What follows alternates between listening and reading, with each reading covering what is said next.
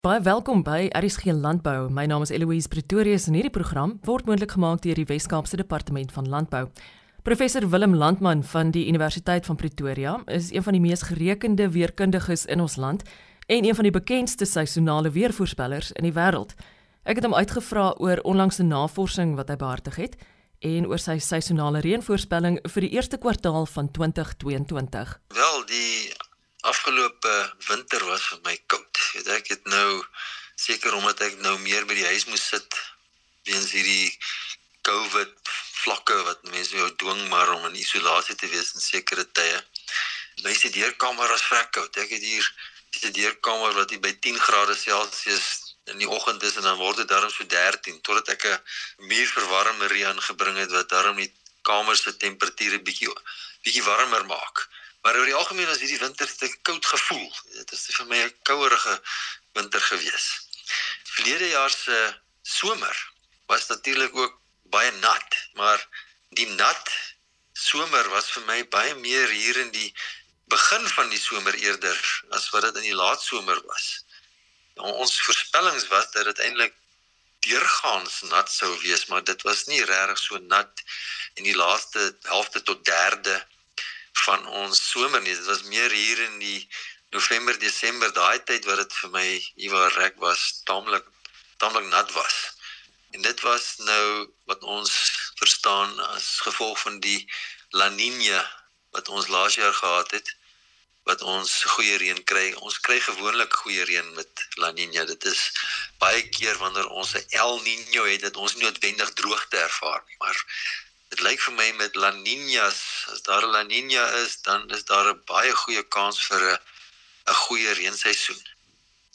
Nou die La Niña was van laas jaar was nou verby gewees en ons het meer na neutrale toestande teruggekeer.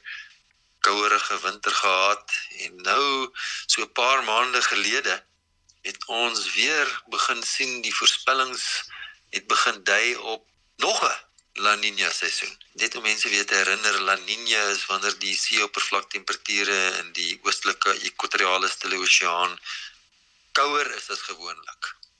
En El Niño is daardie area se seeoppervlaktemperature warmer as gewoonlik. En uh, met El Niño is dit groter kans vir droogte en La Niña is dit 'n groter kans vir nat. Maar soos ek reeds gesê het, as 'n La Niña is, is dit kom is taamlike sekerheid begin kry oor die nat somer wat kom. Maar die voorspellings soos ek gesê het van so 'n paar maande terug het begin dui, hier kom weer 'n La Niña. Die La Niña wat voorspel word en dit is ook maar wat ons hier by die Universiteit van Pretoria voorspel. Dit lyk maar na 'n taamlike swakkerige La Niña. En in die literatuur het ons ook mooi gelees van wanneer daar 'n baie sterk El Niño of 'n baie sterk La Niña is, dit is wanneer Suid-Afrika die uitwerking van hierdie gebeurtenisse die beste voel. En ek dink dit het ons ook in ons in ons reënvoorspellings wat ons by die Universiteit van Pretoria maak gesien. So 'n paar maande terug, so waar dit is 2 maande terug, was die voorspellings baie optimisties vir landwyse goeie reën. En toe sommer die volgende maand was dit weer nie so optimisties nie. Dit het die goeie reën hoofsaaklik hier oor die sentrale en oostelike gedeeltes gesit. En nou met die nuutste voorspelling wat ek gister uitgereik het, keer hy weer terug na dit lyk of dit 'n landswye goeie reenseisoen gaan wees. En dit dui vir my dat daar is maar nog steeds 'n bietjie van onsekerheid, meer onsekerheid in 'n situasie waar ons te doen het met 'n swakkerige La Niña as in die situasie waar ons met 'n sterk La Niña te doen het. En ons het nie nou 'n sterk La Niña op pad nie. Die voorspellingsmodelle is dit eens. Daar's miskien een of twee van 40 modelle wat wys dit gaan 'n sterk La Niña wees, wees. Maar die oorgrootste meerderheid, ook die modelle wat ons by die Universiteit van Pretoria gebruik, wys dat dit maar 'n swakkerige, miskien matige La Niña kan wees. Nou ons voorspel nie net La Niña nie. Die die boere wil nie net weet is daar 'n La Niña nie. Hulle wil weet wat is die uitwerking van La Niña oor ons gebied en soos wat ek nou nou net gesê het is Die nuutste voorspelling wys weer dat daar verbeterde kansse is landwyd en ek bedoel eintlik met landwyd moet ek sê die somerreënvalgebiede dat daar weer 'n goeie kans is vir 'n nat seisoen wat baie positief is. Die temperatuurvoorspellings wat ons uitreik hier by die universiteit is maar hoofsaaklik vir maksimum temperature. Ons het ons kry dit nie baie goeie goed reg om op 'n seisonale skaal minimum temperature met hoë vaardigheid te voorspel nie. Ons vaar nogal goed daarmee om maksimum temperature met hoë vaardigheid te voorspel en die voorspelling is dat hier oor die sentrale en oostelike gedeeltes van ons land ons waarskynlik koeler as gewoonlik toestande kan ervaar. So met goeie reën en koeler toestande is dit natuurlik baie voordelig. Mits dit nou nie te veel reën nie die La Nina seisoene waar ons nat toestande verwag en wanneer ons kry wil ons natuurlik nie te veel hê nie. Dit is dis dit honderde millimeters in een maand reën is dit dalk te veel en dit kan natuurlik oeste en ook nadelig beïnvloed. Die waarde sê ons vir 'n spesifieke 'n plaas hier in Babsfontein so 'n model gebou wat sy oeste voorspel. En die model se invoere wat ons moet gebruik om oes te voorspel is hoofsaaklik die verwagting van reën. So die verwagting van reën word dan gebruik om te sê wat is die verwagting van die oes. En in van die La Nina jare was die oes voorspel van pragtig goeie oeste. Maar die waarneming, die die wat eintlik van die land af gehaal is was baie gevalle ondergemiddeld. En dit was maar gevolg van te veel reën. Nou dit is iets wat ons nie baie goed kan voorspel op seisonale skaal nie. Ons kan baie goed voorspel dit lyk of dit meer na die bo-normale kategorie kan wees, maar ons het nie baie goeie gevoel van hoe ekstreem dit daar kan wees op 'n seisonale skaal nie. Maar nou dis net in staan ons moet maar die die goeie nuus vat soos wat ons kan kry en op die goeie op hierdie oomblik lyk die goeie nuus in 'n neete dop saamgevat oor die grootste gedeelte van die somerreënvalstreke verwag ons bo gemiddelde reën met ondergemiddelde maksimum temperature.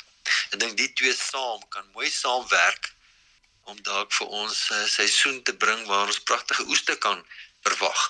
Van die uh, boere wat vir my hulle droëland oesdata gegee het, het ek ook maar van hulle uh, modelle probeer ontwikkel en die voorspelling spesifiek vir oeste uh, oor hierdie plase wys ook bo gemiddelde waarskynlikhede vir vir goeie oeste. So ek ek dink hierdie hierdie somerseisoen on, ons gaan weer bederf word. Ons het verlede seisoen ten minste daarom vir die eerste helfte goeie reën gehad en dit lyk of ons modelle vir ons wil beloof hier kom al weer 'n goeie reenseisoen vir ons op pad. Willem veronderstel ek wil graag die gesprek met jou voortsit. Hoe kry ek jou in die hande? Weet jy ek is ek is verslaaf aan WhatsApp. Ek is ek antwoord omtrent nooit 'n foonoproep nie tensy ek weet wie my nou bel. Maar 'n WhatsApp, as jy vir my sê ek gaan jou nou bel oor 2 minute dan sê ek by. So WhatsApp is maar hoe ek baie goed funksioneer. Ek is ek is omtrent verslaaf aan WhatsApp. Ek stel my wekker 2:00 die oggend om seker te maak ek mis nie WhatsApps wat hierdie nag gekom het nie. 082 644 5304 Weerkundige en seisonale voorspeller professor Willem Landman. Daniel Rousseau is die funksionele hoof van Netbank se landbouafdeling. Ek het hom uitgevra oor 'n onlangse navorsingsartikel wat verband hou met volhoubare landboupraktyke in die suiwelbedryf.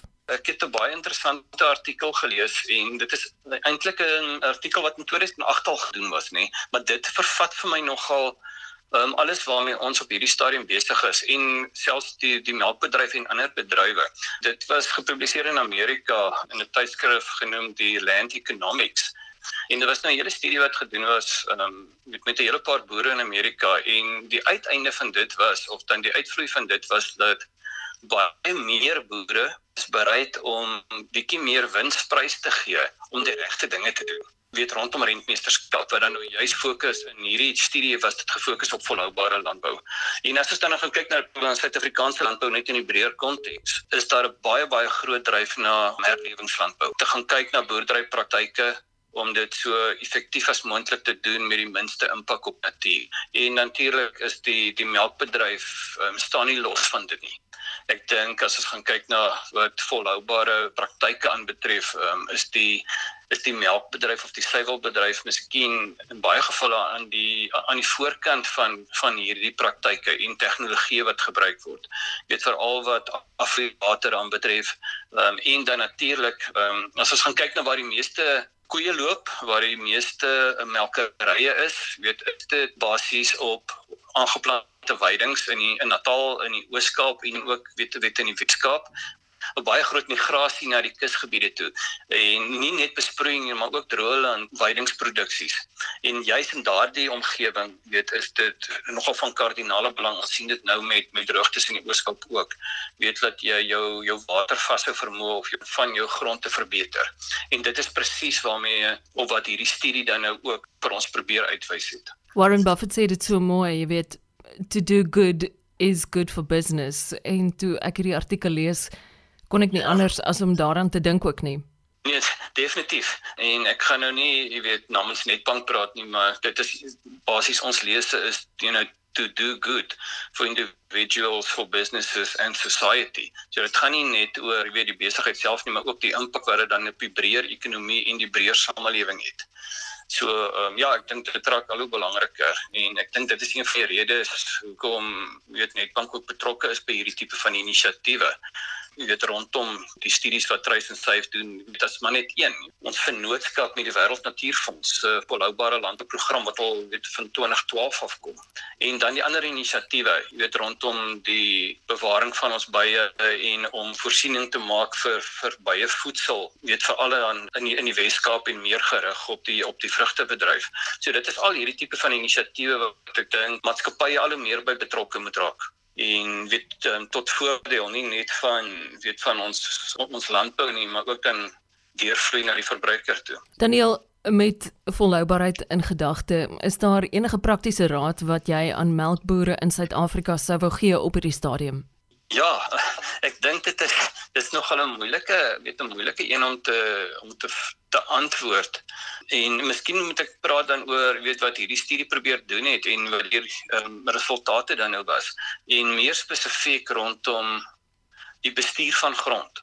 Ehm um, met grond is 'n baie skaars hulpbron en ek dink as daar nou een ding is wat ons kan doen rondom volhoubaarheid, is dit om ons mees kosbare twee hulpbronne, die een is water en die ander een is grond ten beste te benut. Nie net te bewaar nie, maar lewensvatbaar te kan benut, weet vir die toekoms. En ek dink dit die, die die grootste ding wat wat boere kan doen is om te gaan kyk na die die die gesondheid van ons grond en dan die boerderypraktyke wat ons gaan toepas om ons grondgesondheid te verbeter. En ek dink wat die belangrikste van dit is natuurlik, jy weet, 'n mens moet om te kan weet, moet 'n mens meet. En dit is dan juist om gebruik te maak van hierdie tipe van inisiatiewe om jou grond jou grondvrugbaarheid en die gesondheid van jou grond te verbeter. En in daai proses natuurlik Jy weet dit 'n mens um, of 'n boerdery het minder kunsmis nodig, weet om jou weidings en gewasse optimaal te kan laat groei. Outomaties is jou water vaste vermoë van jou van jou grond is soveel beter, jou struktuur verbeter. En dit het natuurlike impak, ehm um, nie noodwendig aan die aan die produksiekant. Ehm um, ja, jou jou produksie van jou um, weidingsmateriaal verbeter definitief.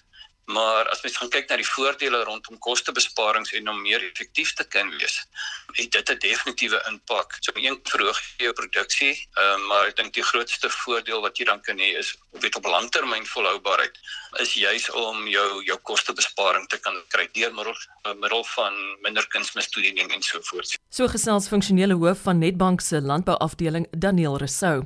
Selfoondeposisie analise is tans by voorgrond in bespuitingsnavorsing. Marius Ras is vir die afgelope 4 dekades betrokke in die navorsing en ontwikkeling van tegnologie vir bespuiting. Ek het hom gevra vir kommentaar. 'n Maatskappy waarvan ek een van die eienaars is, uh, met die naam van Dropsite tegnologie aan 'n uitgesoekte groep persone bekend gestel en wat ons hier reg gekry het en wat nou vir 'n maand in die veld onder evaluasie by hierdie persone is, is die vermoë om met jou selfoon 'n deposisie analise te kan doen om te bepaal of jy die effektiwiteit bereik het wat jy nodig het voordat jy enige chemie in jou tank sit van jou spuit. Dropsite is dan 'n 'n gereedskapstuk wat ons daar wil stel aan die mark waar enige persoon wat hierdie applikasie het en en dan nou natuurlik die klein laboratoriumpie daarmee saam aankoop wat ons noem Leaf Lab dis waar jy die monsterneming gaan insit. Uh jy doen dit letterlik agter op jou bakkie se flap met jou sigaret aansteek as 'n 12 volt. Bedien jy die laboratoriumpie, kan jy letterlik gaan jou spuittoerusting stuk. Kom ons sê nou maar jy's nou boord kalibreer soos jy dink jy dit graag sou wil aanwend jy sit die uh, fluoreserende produk wat in hierdie laboratorium opgetel sal word, sit jy in die tank, meng jy in die tank, jy doen jou applikasie voordat jy die chemie in die tank sit. Jy neem 'n paar monsters uit die boom uit, in die geval dan nou maar sê nou maar blare. Jy vat jou selfoon met die applikasie dropsite, jy sit die blare in die in die laboratorium en jy neem die fotos van hierdie blare wat dan vir jou die deposisies van die aktiewe bestanddeel gaan bereken op elkeen van die blare en daarmee kan jy jouself dan meet of jou deposisie waarvoor jy gekalibreer het op die vlak is wat jy sou wil hê hy moet wees. En vir die eerste keer in die geskiedenis kan ons op die plaas kan ons letterlik onmiddellike deposisie analises doen en vir die antwoord net daar gee wat nooit voorheen moontlik was nie. Voorheen moes ons die monsterneming gedoen het, dit ingeneem het na die laboratoria en daar is net twee van hulle in Suid-Afrika, die een Stellenbosch wat uh, wat vir hierdie analises kan doen. En dit neem natuurlik soos jy kan dink letterlik weke, partymal maande om die data te kry wat dan die relevantie daarvan beperk. So hier kan ons dit nou real-time op die bakkie se vlak kan ons dit in die boord doen. Ons kan verstellings doen, ons kan die heranalise doen totdat ons tevrede is, dan sit ons die chemie in die tank en ons gaan doen ons uh, bespuitings. So ons is baie opgewonde daaroor dat ons dit aan die mark kan bekendstel en ons glo dit gaan 'n groot verskil maak in terme van die volgende fase van verbetering in toedieningstegnologie. My e-posadres is uh, mariusras49@gmail.com. Dit dan bespuitingskenner Marius Ras.